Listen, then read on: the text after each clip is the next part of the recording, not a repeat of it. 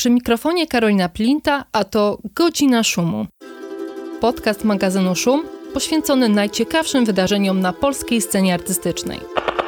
Magazyn Szum to najważniejsze polskie pismo poświęcone sztuce współczesnej. Już prawie 10 lat komentujemy dla Was najważniejsze wystawy i zjawiska w polskiej sztuce. Jeśli chcesz dowiedzieć się o nas więcej, zapraszam na stronę magazynszum.pl, a jeśli chcesz nas wesprzeć, zostań naszym patronem lub patronką w serwisie Patronite. Znajdziesz nas pod adresem patronite.pl łamane przez magazyn Szum.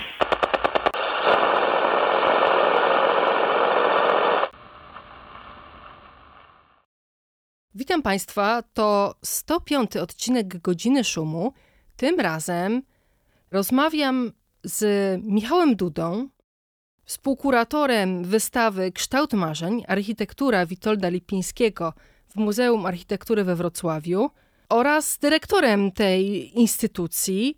Panie Michale, witam pana serdecznie. Dzień dobry, cześć. Warto jeszcze wspomnieć, że drugą kuratorką wystawy jest pani Daria Kierzun, która niestety no, nie mogła z nami dzisiaj się spotkać ale mam nadzieję, że nasz gość opowie nam o Witoldzie Lipińskim, dosyć ciekawej postaci w historii współczesnej architektury i takiej nietuzinkowej. Jeszcze dodam, że tą wystawę Kształt Marzeń można oglądać do 31 marca tego roku, więc czasu jest jeszcze troszeczkę, przynajmniej dwa miesiące, więc można, jeśli ktoś nie widział, można ją nadrobić.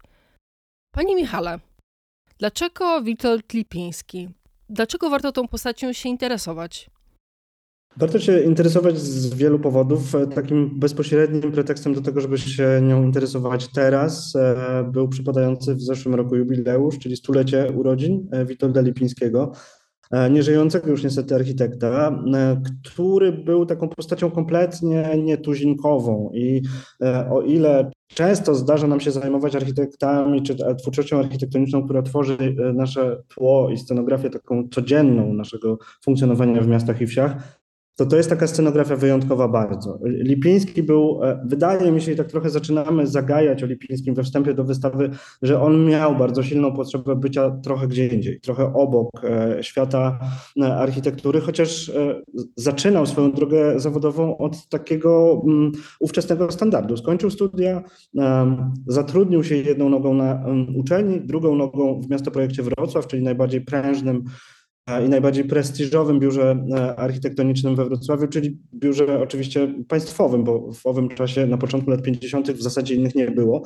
No i zaczął projektować e, to, co wtedy można było projektować, a że początek kariery przypadł na sam początek lat 50., czyli taki dojrzały socrealizm, dojrzały zwłaszcza dla Wrocławia, bo Wrocław dosyć późno w ogóle wszedł e, w odbudowę i późno tym samym w socrealizm, to to zaczął tworzyć to, co było można. Został zaangażowany do zespołu Romana Tunikowskiego i uczestniczył w projektowaniu najważniejszej realizacji owego czasu, czyli kościuszkowskiej dzielnicy mieszkaniowej. Jak Warszawa ma MDM, my mamy KDM. E, on jest nieco mniejszy, nieco bardziej stonowany, nieco bardziej nawiązujący do architektury francuskiej, ale spełnia wszystkie kryteria architektury socrealistycznej, czyli jest narodowa, co jest zawsze pojęciem takim trochę e, podstępnym we Wrocławiu w formie socjalistyczna w treści. No ale widać bardzo, że po tej przygodzie ta taka biurowa architektura, tak kształtowana przez wielką machinę opracowywania dokumentacji projektowej, to nie był jego żywioł.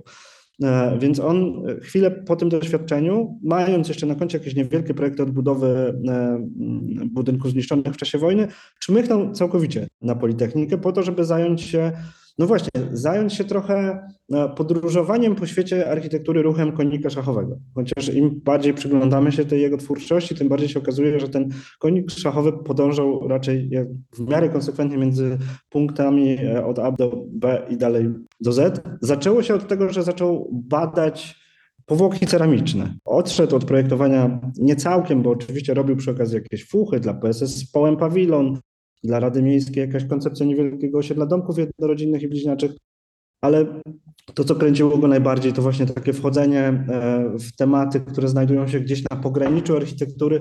E, no i na początku było materiałoznawstwo. Jakby on, jakby widząc też i nie akceptując do końca życia, on jeszcze w późnych swoich tekstach pisał, że nigdy w życiu nie był w stanie zaakceptować chlewikowej architektury mieszkaniowej, czyli takiej, w której się ludzi upycha jeden koło drugiego w końcach, jak e, świnie w chlewie. I no nie był w stanie tego zaakceptować. W tych pierwszych pracach postanowił podejść do tego od zupełnie innej strony i powalczyć o, indywidu- o indywidualizację architektury poprzez wymyślenie sposobu estetycznego urozmaicenia e, szarej, monotonnej, coraz bardziej powtarzalnej architektury. I to, co go zainteresowało, to właśnie natryskowo nakładane powłoki ceramiczne na, na materiały architektoniczne, głównie na beton. On sobie wyobrażał, że e, te siłą rzeczy, bo jakby też nie był w stanie do końca z tym polemizować, że w pewien sposób trzeba uprzemysłowić architekturę mieszkaniową, trzeba ją powtarzać w, jak najprostszej formie po to, żeby produkować ją masowo, ale fantazjował chociażby o tym, żeby ona wyglądała trochę e, w sposób bardziej urozmaicony. Oczywiście miał całą pragmatyczną podbudowę do tego konceptu, ponieważ pokrycie prefabrykatu ceramiką sprawia, że on jest trwalszy, łatwiej go umyć, trudniej go obłożyć styropianem, to już tak trochę wybiegając mocno w przyszłość, ale ten jego drobny pomysł z początku kariery pokazał, pokazuje trochę, jak bardzo e, nie chciał być e, twardo osadzony w głównym nurcie i jak bardzo szukał indywidualizmu. Ja chciałam jeszcze podpytać o same początki Witolda Lipińskiego, bo to jest uderzające w jego biografię, że jak na przykład zaczyna się szukać w internecie o nim informacji, to um, czasem wychodzi na to, że zupełnie inny aspekt jego biografii jest istotny dla może pewnych grup. Witold Lipiński pochodzi z Łomży. Nie jest urodzonym, osobą urodzoną we Wrocławiu. E, ma za sobą taki bardzo silny kontekst wojenny. E, zastanawiam się, czy ta jego przeszłość jako żołnierza miała jakiś wpływ na jego późniejszą działalność.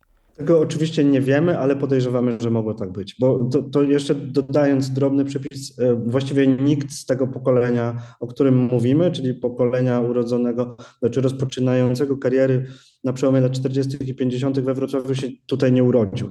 To wszystko byli przybysze, którzy przyjechali do, tu już po 1945 roku i faktycznie e, Lipiński przyjechał z północnego Mazowsza. E, urodził się e, w Kosakach koło Łomży. E, tam spędził młodość i dzieciństwo. No i faktycznie miał za sobą taki bardzo intensywny, myślę, że formujący epizod, długi, bo, bo zajmujący ładnych kilka lat, zaangażowania wojskowego, służenia w różnych konspiracyjnych organizacjach wojskowych, no i spędzenia kilku lat w lesie, w bagnach nad Biebrzą, w, w kryjówkach leśnych, w ziemiankach, Czyli to też jest interesujące, że natura, która później stała się takim bardzo ważnym punktem odniesienia w projektowaniu dla niego architektury, mogła dla niego znaczyć cokolwiek, coś innego niż dla nas. Dla, dla niego być może ta natura czasem była, mogła być schronieniem, ale i zagrożeniem. E, była miejscem, w którym się faktycznie żyło, a nie tylko e, z nią obcowało w sensie estetycznym. No i taki komponent, e, na który na pewno trzeba zwrócić uwagę, i my dopiero po latach uczymy się, że ta perspektywa, choć nieobecna e, w relacjach nawet tych twórców, bo w relacjach os osobistych Lipińskiego nie ma jej wcale, on o tym w ogóle nie chciał rozmawiać. Ta trauma wojny, trauma doświadczenia e, akcji zbrojnych, bycia świadkiem śmierci, czy czasem może nawet jej sprawcą, bycia rannym, bycia ciągłym zagrożeniu i osaczeniu musiała jakoś wpłynąć, e, musiała, a przynajmniej mogła wpłynąć na to, jak potoczyły się ich życia, potoczyły ich kariery i potoczyła ich twórczość.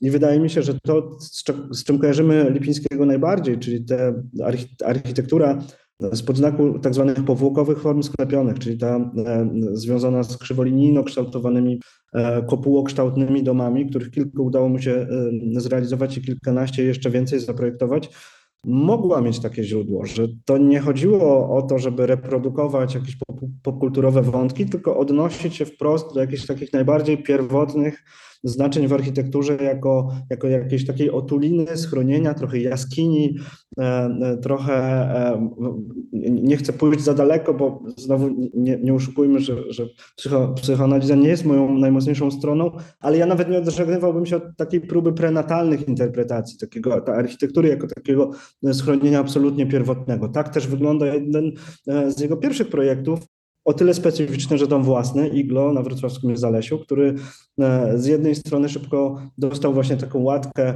domu Iglo, który z jednej strony odwołuje się, czy my się odwołujemy w skojarzeniach do e, architektury inuickiej, ale z drugiej strony e, opowiadamy, opowiadamy i opowiadaliśmy o nim od początku, że przypomina sondę kosmiczną, czy bazę na Księżycu, czyli ucieczka trochę w interpretacji w science fiction, a może zupełnie nie, może tych wszystkich interpretacji trzeba szukać gdzieś głęboko e, w takich e, archetypach zakorzenionych gdzieś, e, gdzieś w podświadomości, które skłaniają do tego, żeby projektować architekturę właśnie jako taką bardzo bezpieczną otulinę.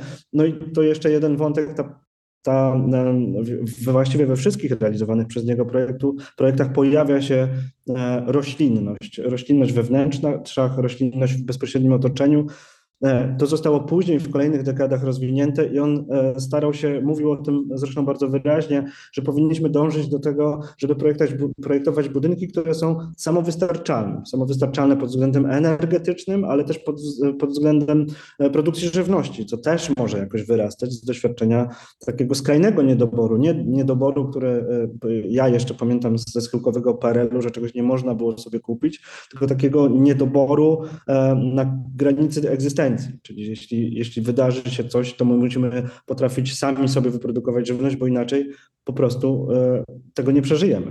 Co do roślinności, to jest fakt, który mnie bardzo zafrapował, jak na przykład czytam właśnie o tym domu Iglo, że tam wyrosło drzewo, że jakoś wykiełkowało, taki fikus olbrzymi i wydało mi się to nieprawdopodobne. No i kto wykiełkował przez fundamenty? Czy może pan wytłumaczyć, o co chodzi z tą, jakby tam jest jakaś taka dziura w tym iglo, czy ten dom ma po prostu dziurę w dachu?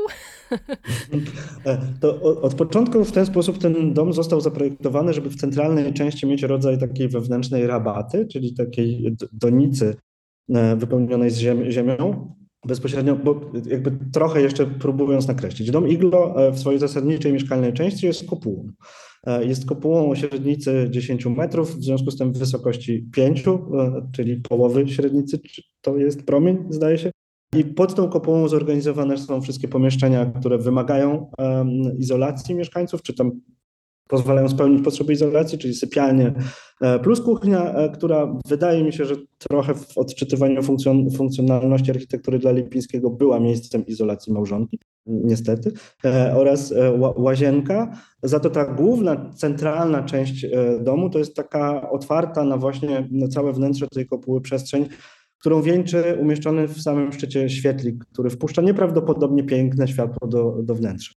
No i właśnie pod tym świetlikiem znajdowała się rabata, w której w pewnym momencie na samym początku e, historii tego domu został posadzony fikus. I tu pojawiają się e, różne interpretacje tej historii. Ja znam przynajmniej dwie. Jedna, że to była intencja Lipińskiego, ponieważ Lipiński wiedział, że e, fikus, czyli ficus giętki, to się zdaje się nazywa po polsku, ficus elastica po łacinie, ma taką e, zdolność pochłaniania toksyn. I podobno mogło to być działanie intencjonalne, ponieważ Lipiński projektując swój dom dużo eksperymentował. Może dużo to za dużo powiedziane, ale jednak trochę eksperymentował. Eksperymentował na sobie, ponieważ on tę kopułę zbudował z cegły rozbiórkowej właściwie sam. Trochę chcąc, a trochę nie mogąc znaleźć specjalistów, którzy zrobiliby to za niego. No ale później zmierzył się z wszystkimi e, konsekwencjami, czyli problemami, które budowniczy kopuły, z którymi musi się zmierzyć, czyli jak zaizolować to przed wodą i zaizolować termicznie. I on zastosował jako izolację termiczną taką natryskiwaną piankę formaldehydową, to właściwie był prototyp chyba jego, ale okazało się, że ta pianka, owszem, ma jakieś walory izolacyjne, ale jednocześnie uwalnia ten formaldehyd do powietrza. No i okazało się, że ten fikus e, jest w stanie go genialnie pochłonąć i nic sobie z tego nie zrobić. A druga historia e, Fikusa mówi, że on tam znalazł się przypadkiem, że jeden ze znajomych profesorów e, zmierzył się z innym problemem, znaczy z Fikusem, który nadto rozrósł się w jego mieszkaniu i nie było już na niego miejsca, a w domu Lipińskiego należało domniemywać, że pod tą kopą tego miejsca trochę jest.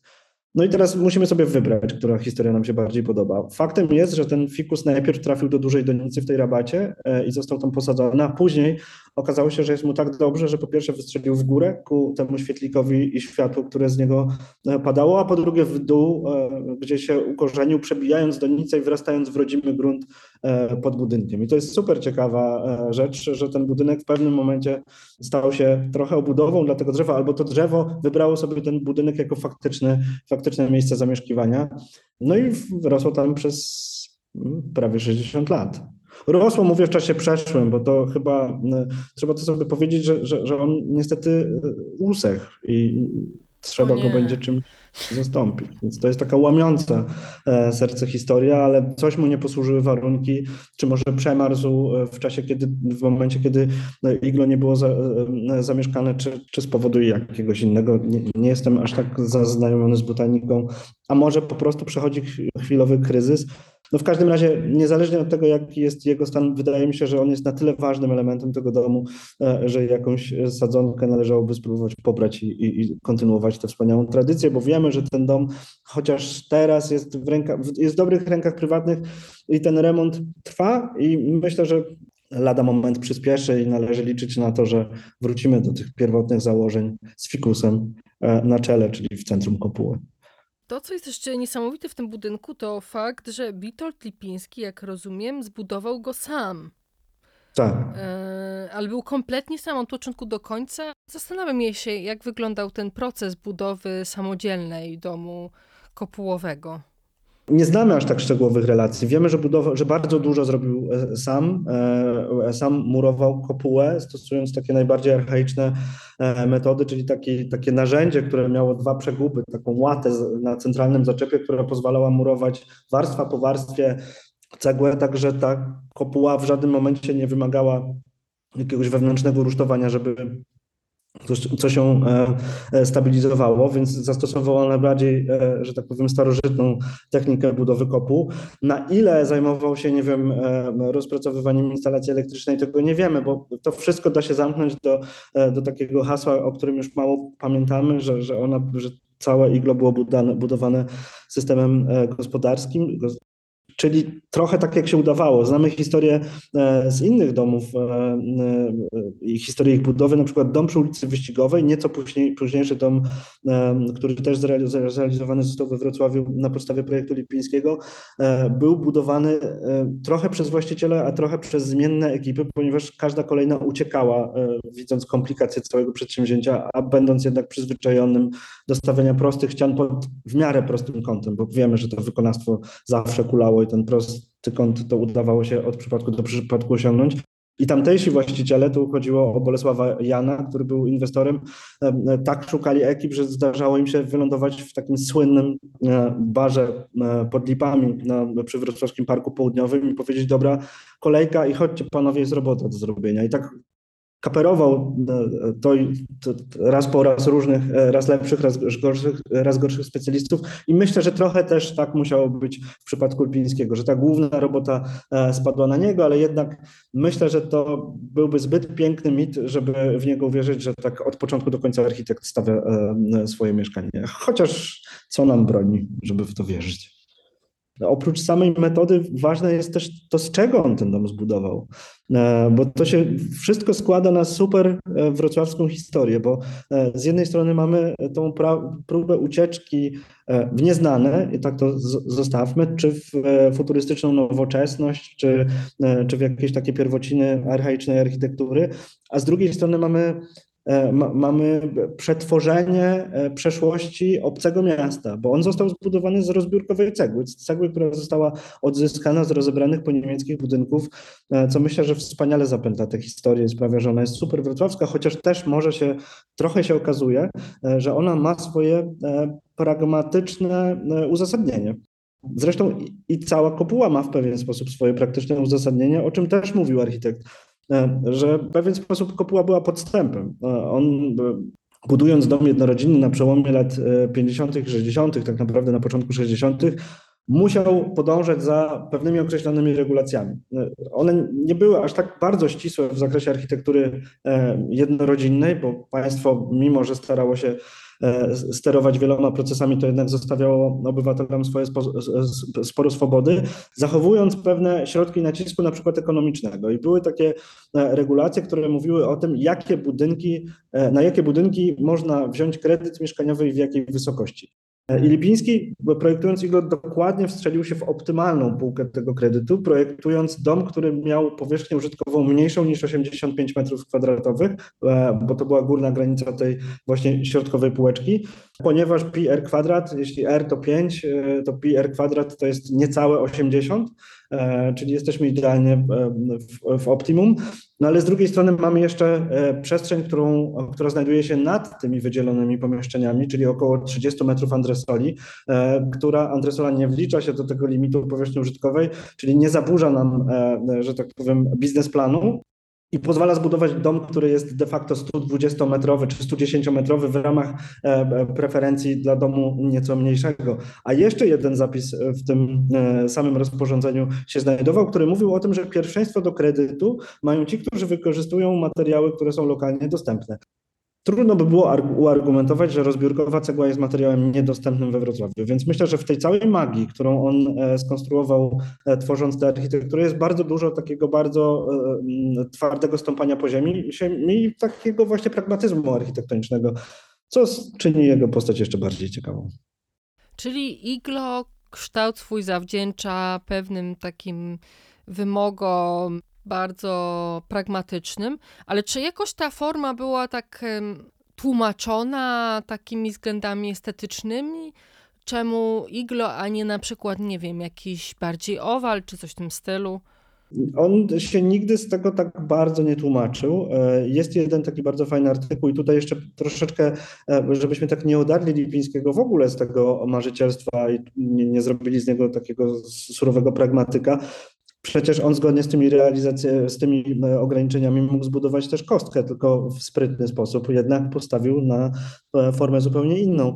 E, on nie mówił wprost, dlaczego akurat półkula. Myślę, że jeśli potraktować iglo, iglo jako początek pewnych poszukiwań, które myślę, że pomysł na te poszukiwania zrodził się chwilę później, to zaczęcie od tej formy takiej podstawowej, czyli połowy sfery, jest dobrym punktem wyjścia do wszystkich innych dywagacji na temat form złożonych i innych bardziej skomplikowanych geometrii. Ale jest jeden bardzo ciekawy artykuł, który znamy z wycinku, który, który, który wpadł w nasze ręce gdy penetrowaliśmy archiwum, które po sobie zostawił. To jest wycinek z trybuny olsztyńskiej, czyli napisana, dziennikarz, napisał o Jugle dziennikarz z zupełnie drugiego końca Polski. No i on w pewien sposób odwołuje się, cytuje spotkanie z Lipińskim i wskazuje to, że posłużył się tymi takimi najbardziej mm, popularnymi popkulturowymi odniesieniami do e, science fiction i do architektury związanej właśnie z tym nurtem, no za co został zrugany przez Lipińskiego, który mu powiedział, że to z żadnym science fiction, z żadnymi sputnikami, z żadną bazą lunarną nie ma nic wspólnego, a jest to odwołanie się do form podstawowych obecnych w naszej kulturze od zarania dziejów. I może ta chęć zmierzenia się też z techniką budowlaną, którą e, znaliśmy od tysiąclecia, mimo wszystko w, w owym czasie już o niej nie pamiętaliśmy, było takim e, triggerem, takim punktem, który zaowocował wszystkimi kolejnymi eksperymentami, choć z drugiej strony jakby chcieć to poukładać na linii czasu, to okazałoby się, że to nie było pierwsze podejście Lipińskiego do powłokowych form sklepionych, bo zaczęło się od Śnieżki. Od Śnieżki, która no, jest zupełnie powiedzmy też niepowtarzalnym projektem. Ja tylko dopytam się, jaki jest, jaka jest przyszłość tego domu Iglo, bo w, w, wspomniał pan, że jest teraz w dobrych rękach, ale czy wiadomo, co tam będzie się działo? On był przez pewien moment zaniedbany, e, teraz jest remontowany i, i jaka będzie przyszłość tego obiektu? Właścicielem tego domu jest jeden ze znanych wrocławskich architektów i to nie jest tajemnica, to jest Zbigniew Maćków, o tym było dosyć głośno w, w pewnym momencie e, w mediach i jego jest pomysł, jego pomysł na funkcjonowanie tego domu to jest taki trochę kulturalno-animacyjny. On chciałby, żeby swoją siedzibę miała tam e, fundacja, która e, zajmuje się promowaniem architektury i tych punktami styku między architekturą i innymi dziedzinami sztuki. On miał też pełnić funkcję taką i myślę, że ma, to, to się tylko odwlekło, ale myślę, że wszystkie deklaracje są nadal aktualne, żeby na przykład mogły się tam odbywać turnusy badawcze, czy rezydencje, czy warsztaty i tego rodzaju aktywności. Ja myślę, że no, chwilę jeszcze na to poczekamy, ale coś takiego powinno się tam wydarzyć. No to Śnieżka. Śnieżka, która powstawała też chyba w niesamowity sposób. Ja doczytałam się, że e, badania do tego projektu Lipiński prowadził w locie. E, że on się też e, interesował szybownictwem. Tak. I to jest jeden z kolejnych tropów interpretacyjnych e, dotyczących tej architektury, który jednak pozwala nam nie wierzyć do końca Lipińskiego w tę taką stanowczą negację przestrzennych, czy tam e, kosmicznych, czy latających inspiracji, ponieważ on e, z aerodynamiką i z lotnictwem miał bardzo dużo wspólnego. To podobno było jego, była jego fascynacja od dzieciństwa. To wtedy zupełna nowość, czyli lotnictwo było czymś, w czym można, zresztą chyba tak jest do dziś, można się zakochać. On faktycznie e, zaraz po wojnie postanowił kontynuować czy zagęścić swoje zainteresowanie e, awiacją i postanowił na szybownictwo. E, zrobił uprawnienia szybownicze w Jeżowie Sudeckim, to jest pod Jelenią Górą, wykorzystując zjawisko tak zwanej fali karkonoskiej czy fali sudeckiej. To zjawisko polega na tym, że tam się tworzą bardzo silne prądy wznoszące e, u podnóża gór, które pozwalają bardzo wysoko wznosić się e, szybowcem. No i faktycznie przystępując do, do projektowania schroniska na Śnieżce, on znał e, z lotu ptaka miejsca, miejsce, którym miał się zajmować. No i znał przede wszystkim to, co stało się kluczem, i myślę, że tutaj można dosyć kategorycznie powiedzieć, że to było kluczem do projektowania Śnieżki, czyli znał się na aerodynamice e, i wiedział, że budowanie czegokolwiek e, na wysokości 1603 metrów i to niezwykłych 1603 metrów, bo, bo Śnieżka posiada bardzo specyficzne warunki klimatyczne, bardzo ekstremalne. Tam jest bardzo dużo dni wietrznych, deszczowych, e, zimy są naprawdę bardzo śnieżne i bardzo mroźne. I zwykłe budynki, mamy z tym doświadczenie, bo to też jest ciekawe, my te Śnieżki z przełomu lat 40. i 50 nie możemy pamiętać, znamy ją tylko ze, ze zdjęć. Ona była dosyć gęsto zabudowana, bo w momencie, kiedy Lipiński zabierał się za projektowanie, tam stało schronisko czeskie, schronisko polskie, e, dawne niemieckie, ono, odziedziczyliśmy je po poprzednikach, obserwatorium e, meteorologiczne i kaplica, która stoi do dziś. E, I właściwie z tych wszystkich budynków, wszystkie były drewniane, wszystkie miały już kilkadziesiąt lat, i wszystkie były w fatalnym stanie technicznym, więc wiadomo było, że naprawdę trzeba się przyłożyć do tego, żeby zaprojektować coś, co będzie w stanie oprzeć się warunkom, a w zasadzie się im podporządkować, bo właśnie cały trik tej architektury polega na tym, że e, zaprojektowane przez Lipińskiego dyski nie starają się walczyć z tymi warunkami, tylko e, schylić się, obejść strumienie wiatru, dzięki temu pozwolić im trwać. No i to też znowu, e, proszę wybaczyć, te, te, takie, ja nie szukam e, antagonizmów między Wrocławiem a Warszawą, ale to trochę jest taki moment, e, bo i opowiadając o cegle rozbiórkowej, można by powiedzieć, gdzie ona trafiła po rozbiórce, w większości trafiła do stolicy, w mniejszości do Gdańska i Nowej Huty, opóźniając odbudowę Wrocławia o kilka ładnych lat. No, no a schronisko na Śnieżce, w momencie, kiedy w, ten, w to przedsięwzięcie wszedł Lipiński, było już w zasadzie zaprojektowane. Było zaprojektowane przez architektów z miasta projektu Stolica Wschód, e, e, bo to był jeszcze taki moment, kiedy, te, e, kiedy Warszawa miała taką perspektywę, że Dolny Śląsk trzeba pomóc odbudować. To było zasadne w owym czasie. Tutaj ludzie dopiero uczyli się używać tego regionu. Nie? Ale ten właśnie moment E, przełom 50 i 90, 59 e, i 60 roku, kiedy pojawia się w grze Lipiński, kiedy inwestor zleca opracowanie alternatywnej koncepcji architektowi e, z Wrocławia, jest takim momentem, w którym trochę rodzi się ta lokal, ten patriotyzm lokalny i to takie przekonanie, że my sobie tutaj damy radę z tym regionem.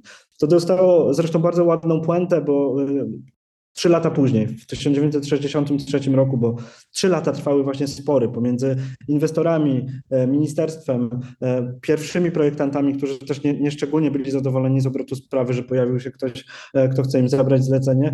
Po trzech latach ostatecznie ogłoszono, że realizowany będzie projekt Lipińskiego i Hryniewiecki Jerzy, jeden z najwybitniejszych, a przynajmniej najbardziej wpływowych architektów tego okresu, powiedział e, dla lokalnych mediów coś w stylu: tak, to jest moment, kiedy my jesteśmy zadowoleni właściwie z tego, że wrocławscy architekci zaprojektowali coś dużo lepszego niż warszawscy. Trochę w pewien sposób symbolicznie puszczając kierownicę.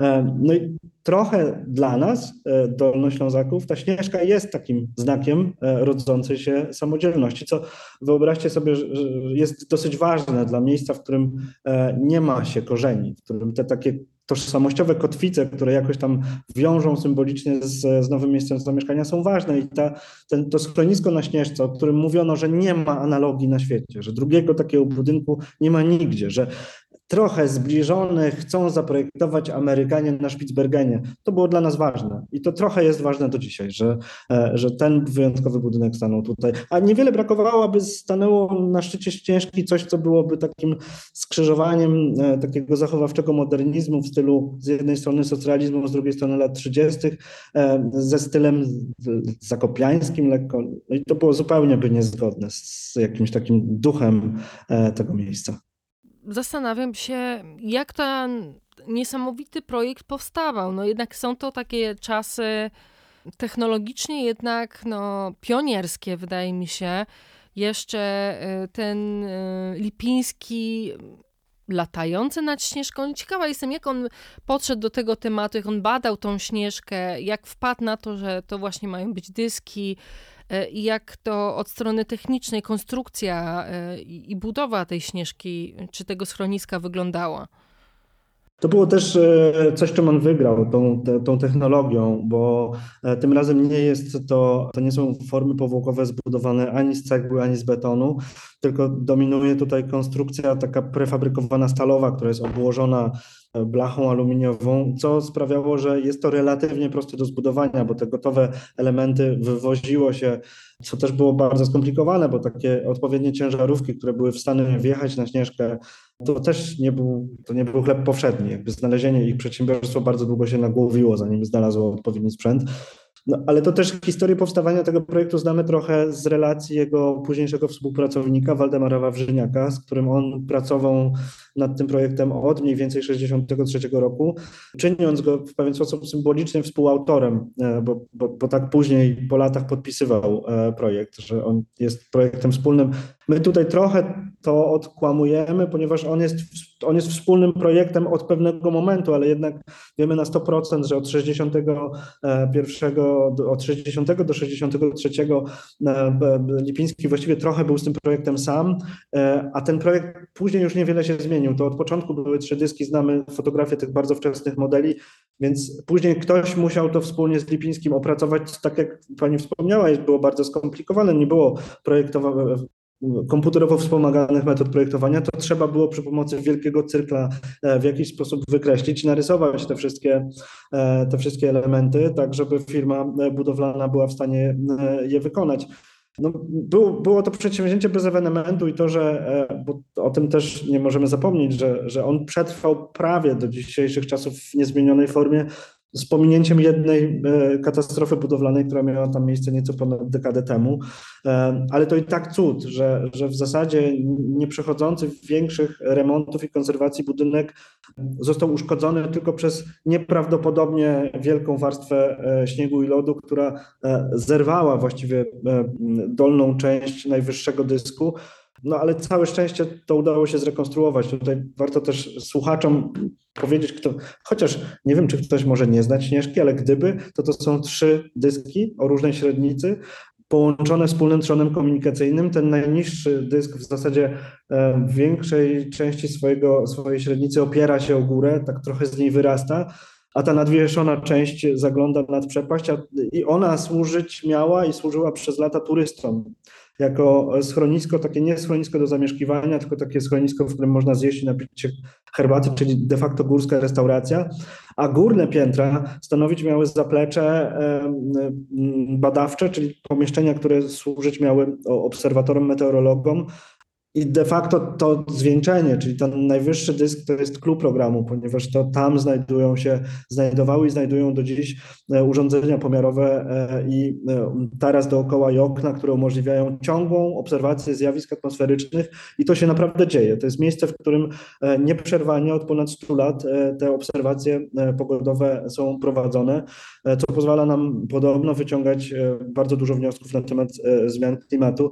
I my, będąc tam z Jakubem Certowiczem, który, który wykonał współczesne fotografie e, obiektów zaprojektowanych przez Lipińskiego na potrzeby wystawy, spędziliśmy tam noc e, razem z meteorologami.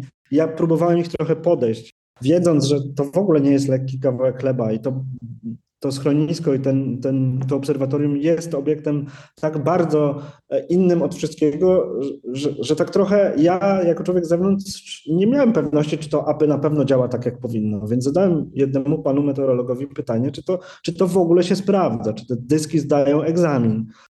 E, no i ja dawno, a może nawet nigdy nikt na mnie nie popatrzył z takim e, protekcjonalnym powątpiewaniem e, i odpowiedział: Nie ma innej możliwości. Żaden inny budynek nie nadawałby się do tej funkcji tak dobrze jak ten. Właśnie dlatego, e, że z jednej strony wytrzymuje wszystko, co tu się dzieje, a z drugiej strony umożliwia pełen, e, pełną obserwację, bo to, to nie jest żart. Oni tam naprawdę siedzą na górze i przez całą swoją szychtę, która trwa 8 godzin, zdaje się, bo oni w cyklu całodobowym, chyba w, na trzy zmiany tam e, pracują, obserwują chmury. Obserwują zjawiska pogodowe, czyli notują, że e, od południowego wschodu, e, akurat raczej południowego zachodu nadlatuje cumulus, a tutaj pojawia się cirrostratus i są cali szczęśliwi, jeśli jest mgła bo wtedy po prostu jest mgła i nic nie widać. Nic nie muszą robić, a i tak brzmi to przyjemnie. Osiem godzin obserwacji chmur. I. To jest w ogóle super ciekawe, to przy, przy okazji e, polecam wszystkim e, e, zaznajomienie się z tematem, bo, bo tutaj było też dla nas dużo ciekawych odkryć. Na przykład dowiedzieliśmy się, i to w ogóle mnie to nie dziwi, że te raporty, które oni, meteorolodzy, opracowują, one są objęte takimi samymi prawami autorskimi jak, jak każde dzieło, nie? że opis zjawisk pogodowych i to ta, ta poezja, meteopoezja, którą oni tworzą na swoich dyżurach, jest dziełem w rozumieniu prawa autorskiego. I z całą pewnością pewnością jest, bo, bo to, co oni potrafią zaobserwować i jak to opisać, to jest naprawdę kawał e, sztuki, żeby nie nadużywać. Wspomniałeś, że y, budynek nie przyszedł żadnego większego remontu poza tym momentem, kiedy y, nastąpiła mała katastrofa budowlana. Zastanawiam się, w jakim on jest stanie w takim razie teraz? Czy wchodzi się do restauracji i czuć taki powiew PRL-u, nie wiem, jak ta blacha wytrzymuje to wszystko, czy ona nie rdzewieje, bo te budynki, jak się na nie patrzy, no ja chyba nie byłam nigdy na, ścieżce, na Śnieżce, no ale widziałam ten obiekt na zdjęciach, to on się wydaje taki lekki, nietrwały, jak domek z kart, że to zaraz dmuchnie e, wiatr. E, no a tutaj już kolejna dekada bez remontu. Czy jest w planach jakiś remont tej Śnieżki, czy tak jest I, to właściwie dotyczy, to, to jest trochę w ogóle o nas e, i tak samo jak architektura Lipińskiego wtedy, kiedy powstawała, była o nas w tym sensie, że, że chcieliśmy być trochę ludem e, awantur, awanturniczych zdobywców, którzy wymyślają nowoczesną architekturę. Tak teraz trochę e, zgubiliśmy się w tej tożsamości, nie potrafimy tego docenić, bo właściwie nie jestem w stanie wskazać ani jednego z istniejących budynków zaprojektowanych przez Lipińskiego, który byłby w dobrym stanie. W najlepszym stanie faktycznie, mimo wszystko, jest Śnieżka, e, ponieważ ona ma co do zasady dobrego gospodarza. Tam jest jakiś problem z tym właśnie najniższym dyskiem, ponieważ no wychodząc naprzeciw, nie można wejść do restauracji. Ona jest zamknięta od dłuższego czasu, nie ma najemcy, e, czeka właśnie na remont, ale to, co można zobaczyć przez okno, to też jest niesamowite, bo tam się zachowało bardzo dużo świetnego PRL-u. Tam jest bardzo fajna ściana z metaloplastyką, jest taka e, ścianka działowa wypełniona takimi e, szklanymi e, cegłami, takimi szklanymi elementami, którzy tworzą taką półprzezroczystą, kolorową ścianę. Jest sufit taki bardzo rastrowy, charakterystyczny, który miał rozpraszać świat, źródła światła, które znajdowały się na nim. I tak są plany e, jego remontu. Niestety to nie są bardzo pieczołowicie pod względem konserwatorskim przygotowane plany, więc miejmy nadzieję, że też to, że ta wystawa mm, jest w tym momencie, to też będzie moment do tego, żeby podjąć dyskusję na temat tego, jak konserwować tego rodzaju dziedzictwo. Po raz kolejny podejść do tego tematu, bo nie, niestety nie po raz, po raz pierwszy. No ale dobra, dobra wiadomość jest taka, że od e, paru już lat e, obserwatorium e, meteorologiczne, meteorologiczne na Śnieżce jest wpisane do rejestru zabytków, więc to się nie może zdarzyć gdzieś tam w tajemnicy przed wszystkimi, tylko będzie to każdy remont, który się tam wydarzy, będzie nadzorowany. A co do tego e, e, jego wyglądu zewnętrznego, to w ogóle to już nie jest ta blacha, e, bo on już nie jest pokryty blachą aluminiową, tylko od właściwie kilkudziesięciu już lat blachą miedzianą. I to też trochę widać, że, że on że on jest, jak się na niego patrzy z bliska, to on jest taki rzemieślniczy, że widać, że tam ktoś walczył z tą materią i e, robił jakieś poprawki, no bo każdy materiał użyty w tak ekstremalnych warunkach zużywa się bardzo szybko, e, ale to w żaden sposób nie wpływa na to, że, ta, że ten obiekt jest nadal e, nowoczesny. I tu jeszcze jeden przypis. Polecam tę wycieczkę na Śnieżkę, bo, bo to jest nie tylko świetna wycieczka, to jest super miejsce ze wspaniałymi widokami, ekstra przyrodą i tak dalej, to jeszcze zobaczenie tego obiektu na własne oczy pozwala odkryć jego fenomen e, taki zupełnie plastyczny. E, bo jak popatrzymy na rzut, to ten rzut tego obiektu jest zaskakująco prosty. Wszystkie dyski umieszczone są na jednej osi, jeden nad drugim i jeden e, za drugim, w sensie tak jak pod linijkę. A jak się go ogląda z, na miejscu i obchodzi, to za każdym razem ma się wrażenie, że one nie mogą być ustawione na linii, że one są jakoś oszukane, że to nie jest prawda. E, I to jest wielki talent architekta, żeby e, tak e, zrealizować obiekt na podstawie prostego projektu, żeby on cały czas tworzył pewien rodzaj iluzji i sprawiał wrażenie, że, że nie jesteśmy go w stanie poznać w całości. I tego obiektu naprawdę nie jesteśmy w stanie objąć rozumem. Istnieje też prawdopodobieństwo, że to jest mój defekt, e, ale konfrontowałem z paroma osobami i musi to być jakaś choroba, która się rozprzestrzenia na śnieżce w takim razie. Mhm. No po takiej ilości kroków i to jeszcze pod górę, to może tam, nie wiem, coś się w oczach mieni. E, no dobrze, porozmawialiśmy de facto o dwóch obiektach, a no jest jeszcze cała wystawa, której, e, jak rozumiem, nie jest poświęcona tylko Śnieżce i domu Iglo. Co tam w zasadzie na tej wystawie można zobaczyć? Ta wystawa nie jest poświęcona tylko tym dwóm obiektom, ale e, z racji tego, że one stanowią ten punkt początkowy, jest tam o nich sporo i nie jest też poświęcona całości twórczości Witolda Lipińskiego, tylko skupia się na tym najbardziej charakterystycznym okresie i na tym, z czym go kojarzymy czyli na powłokowych formach sklepionych, e, czyli na tym, co się zaczęło na Śnieżce i Wiglo, a później rozwijało się w bardzo różnych kierunkach ponieważ zaczynając w tych dwóch punktach, Lipiński postanowił rozwinąć swoją refleksję na temat tej architektury, a poza tym posypały się, choć to trochę za duże słowo, kolejne zlecenia na kolejne tego rodzaju domy. I on całe te swoje dywagacje i swoje badania na temat form powłokowych, e, krzywoliniowych e, skodyfikował w 1978 roku w postaci książki, która stanowiła jednocześnie jego pracę habilitacyjną. I my eksplorujemy większość projektów, które on tam zaprezentował i nie tylko obiektów, bo ta narracja jego habilitacji poprowadzona jest dwoma, dwoma nurtami. Z jednej strony on zastanawia się nad właściwościami geometrycznych form.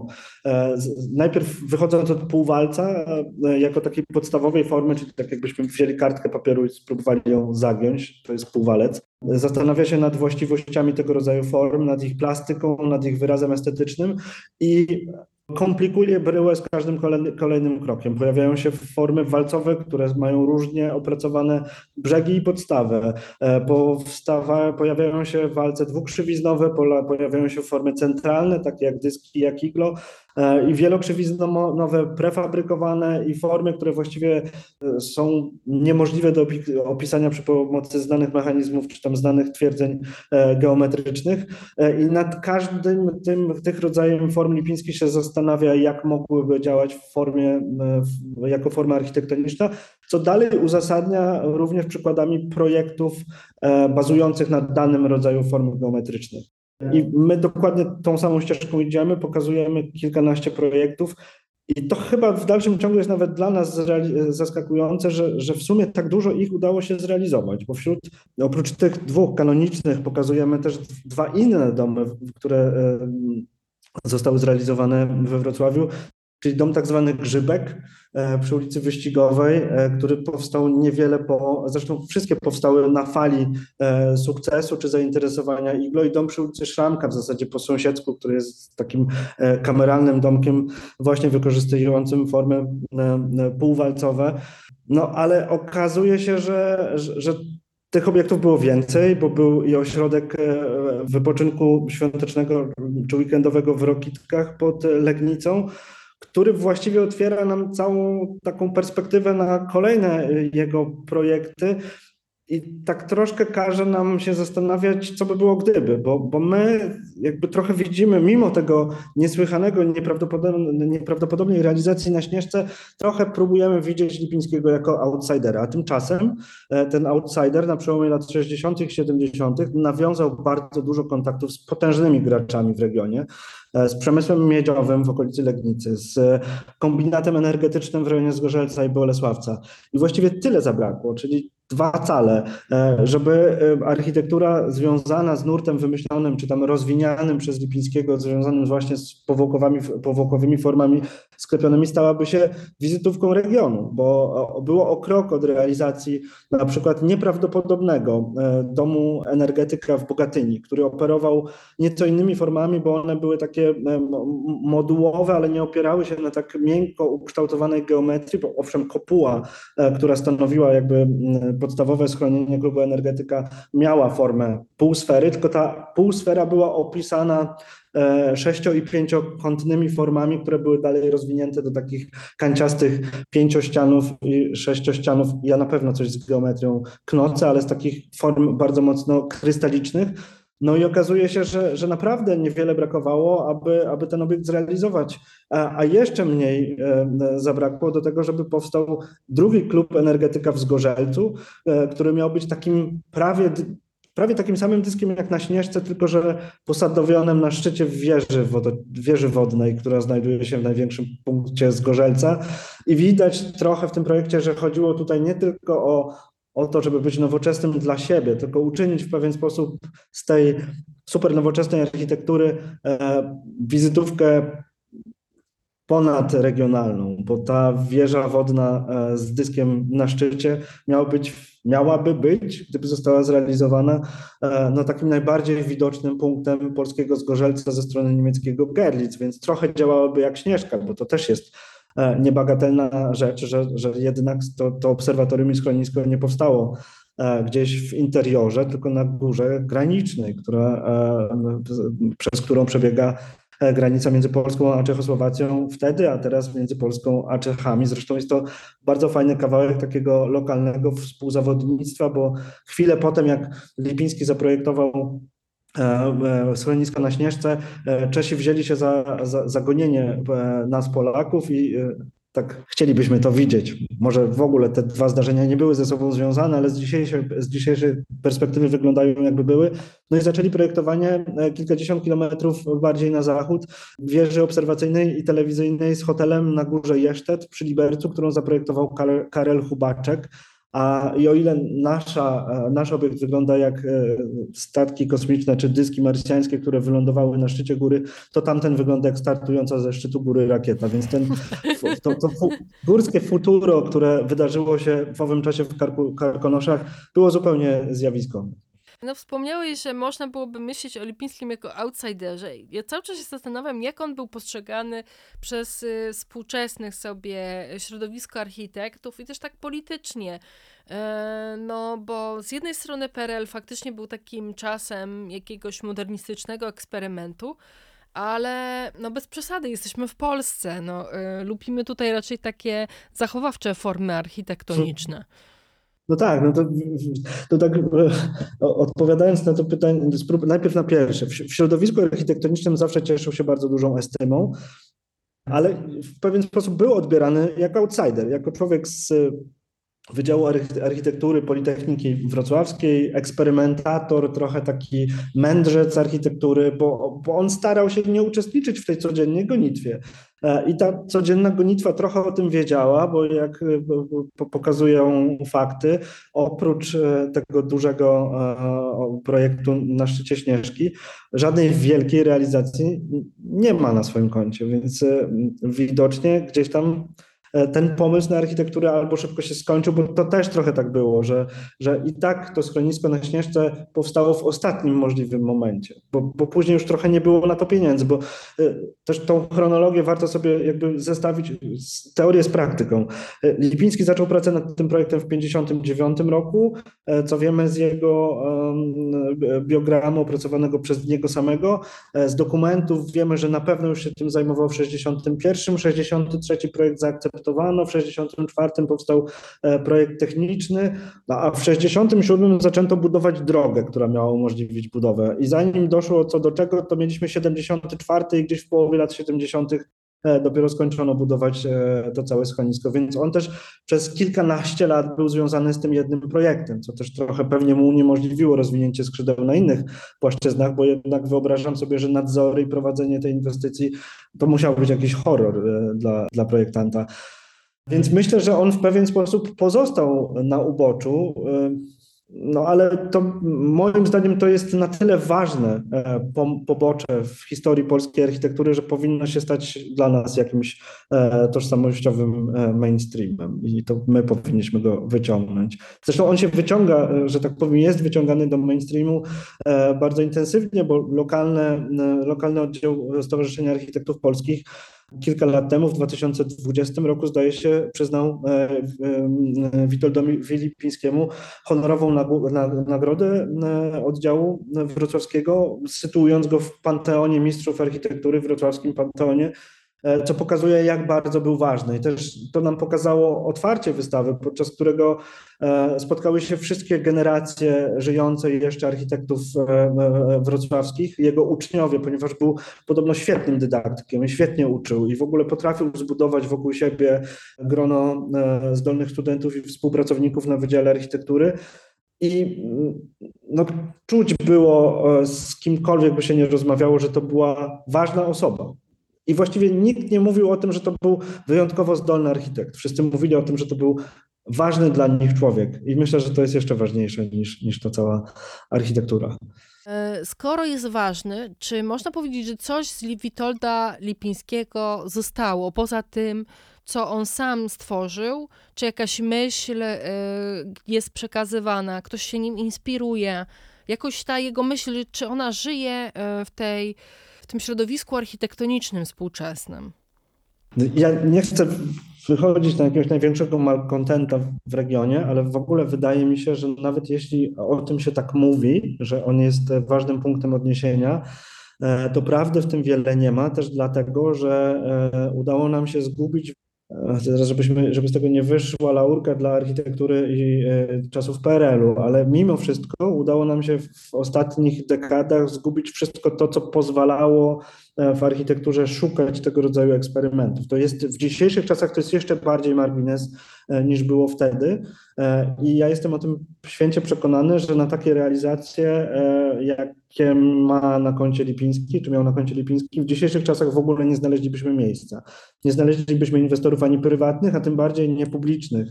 E, więc moim zdaniem to e, refleksja nad Lipińskim powinna być też refleksją na temat tego, co myśmy właściwie zgubili i gdzie, e, gdzie, gdzie w którą stronę poszła architektura po czasach transformacji, bo moim zdaniem z takim zby, bycia takim na poły, oczywiście to wszystko było kulawe i to wszystko na pewien, w pewien sposób musiało być podporządkowane bardzo e, surowym ograniczeniom, to jednak miało w sobie taki, co oczywiście jest mieczem obosiecznym, ale jakiś taki potencjał myślenia bardziej, myślenia do przodu, myślenia poszukiwania architektonicznego, a dzisiaj architektura w, w znacznie większym stopniu jest podporządkowana procesowi inwestycyjnemu.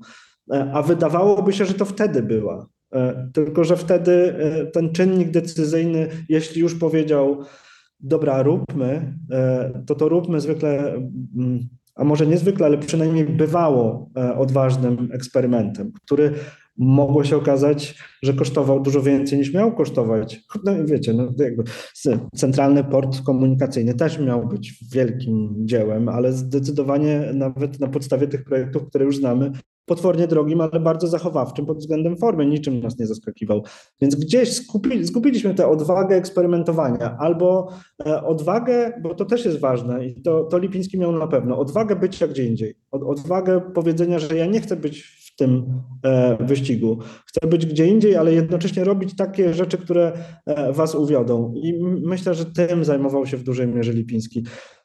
A jeśli mówić o ideach, które funkcjonują faktycznie w dzisiejszej e, architekturze i w mainstreamie, i, w takim nurcie off, e, to one już w tym okresie lat 60., 70. nieśmiało pojawiały się w twórczości Lipińskiego, a rozwinął je w kolejnej dekadzie, o której już na wystawie nie opowiadamy, za to, za to opowiadamy w książce, która, e, która lada moment e, w księgarniach, e, czyli w architekturze, którą tworzył w latach 70. i 80., a właściwie nawet bardziej 80., gdzie eksperymentował z nurtem, właściwie wprowadzał na salony takie pojęcia jak architektura bioklimatyczna czy ekologia w architekturze. To były rzeczy, które już wtedy pojawiały się w sposób bardzo dojrzały w jego projektach, będąc w pewien sposób rozwinięciem tych tych pierwszych pomysłów na bycie e, samowystarczalnym. A na koniec dnia okazuje się, że tak naprawdę, mimo że e, Lipiński zmarł tak niedawno, e, to w sumie mało o nim wiemy, bo okazuje się, że nawet w trakcie pracy nad tą wystawą odnajdujemy projekty, których nie znaliśmy, odnajdujemy realizacje, o których nie mieliśmy pojęcia. No i miejmy nadzieję, że jeszcze parę ich e, odnajdziemy, bo na przykład z tego mitycznego biogramu, takiego zestawienia dokonań, które on opracował w latach 80., dowiadujemy się, że domów, które bazują na tym pierwotnym koncepcie powłokowych form sklepionych, zrealizowanych lub w realizacji było sześć domków jednorodzinnych. No, Anno Domini 2024 znamy trzy, więc gdzieś się pozostałe podziały pozostałe. E, bardzo uprasza się wszystkich, którzy by znali jakieś, których my możemy nie znać, dawajcie znać, bo my e, póki co ich nie znaleźliśmy. Czy to jest pierwsza wystawa monograficzna Lipińskiego? Nie, e, on miał już kilka wystaw, mniejszych, skromniejszych, które odbywały się. Pierwsza w ogóle miała miejsce w latach 70. Była wystawa w Muzeum Współczesnym e, Wrocław kilka lat temu, a może już nawet kilkanaście, której współkuratorem wtedy był Łukasz Wojciechowski, który Teraz jest współprojektantem aranżacji wystawy, która odbywa się, e, odbywa się u nas, a w, przy okazji wystawy, przy okazji nagrody, którą otrzymał, była taka nieduża wystawa w domu Iglo, który był wtedy tuż przed tą transformacją, czyli jeszcze był zachowany w stanie pierwotnym, a jeszcze przed remontem. Więc to jest de facto trzecia wystawa, ale chyba taka największa i najpełniejsza, e, najszerzej opowiadająca, choć w dalszym ciągu o jednym tylko e, fragmencie jego twórczości. Czyli jeszcze sporo jest do odkrycia i um, powiedzenia na temat e, Lipińskiego. Tak, my, my przygotowując e, katalog czy publikację towarzyszącą tej wystawie, poprosiliśmy badaczki, cztery różne, o to, żeby każda ze swojej perspektywy przyjrzały się twórczości Lipińskiego. E, zaprosiliśmy Agatę Gabiś, e, Emilię Kiecko, Joannę Chryciuk i Barbarę Szczepańską i każda z nich spojrzała pod innym kątem na inny kawałek twórczości Lipińskiego i chyba wspólnym naszym wnioskiem jest to, że, że Lipiński dalej oczekuje na takiego swojego e, monografistę, który poświęci naprawdę kilka lat e, badaniu e, zakamarków jego twórczości, bo tutaj jest jeszcze bardzo dużo do odkrycia i bardzo dużo do pointerpretowania. I myślę, że to jest też w ogóle ciekawe w, też w tym, jak Lipiński opowiadał o swojej twórczości, bo on opowiadał o niej bardzo różnie. Raz e, mówił, że science fiction to go w ogóle nie interesuje i trzeba szukać w prehistorii. Raz mówił, że science fiction jest super i awiacja jest super. Więc w ogóle to taki nasz wniosek e, już trochę po robocie jest taki, że nawet jeśli Lipiński chciał być gdzie indziej, to był na tyle skuteczny, że nadal jest e, gdzie indziej. I myślę, że kolejne pokolenia będą świetnie się bawić w to, żeby go szukać, a może nigdy nie znajdą. Zachęcam, żeby szukać Witolda Lipińskiego. Na początek można poszukać w Muzeum Architektury e, we Wrocławiu. Ponieważ już kończymy, tylko wspomnę, że Teraz otwiera się także wystawa Gdyby niezrealizowane wizje nowoczesnego Wrocławia, która też może być inspiracją do tych futurystycznych e, poszukiwań w architekturze. Moim gościem był y, Michał Duda, dyrektor Muzeum Architektury we Wrocławiu oraz współkurator wystawy Kształt Marzeń Architektura Witolda Lipińskiego. Bardzo dziękuję za rozmowę. Ja również bardzo serdecznie dziękuję. I do usłyszenia za dwa tygodnie w kolejnym odcinku Godziny Szumu.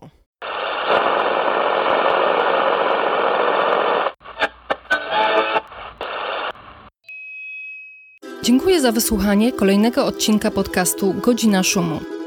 Na następne zapraszam za dwa tygodnie. Szukaj nas na popularnych platformach streamingowych. Możesz też wesprzeć naszą działalność w serwisie Patronite, gdzie funkcjonujemy pod adresem patronite.pl łamane przez magazyn Szum. A jeśli chcesz dowiedzieć się więcej o sztuce współczesnej w Polsce, zapraszam na stronę magazynszum.pl. Do usłyszenia!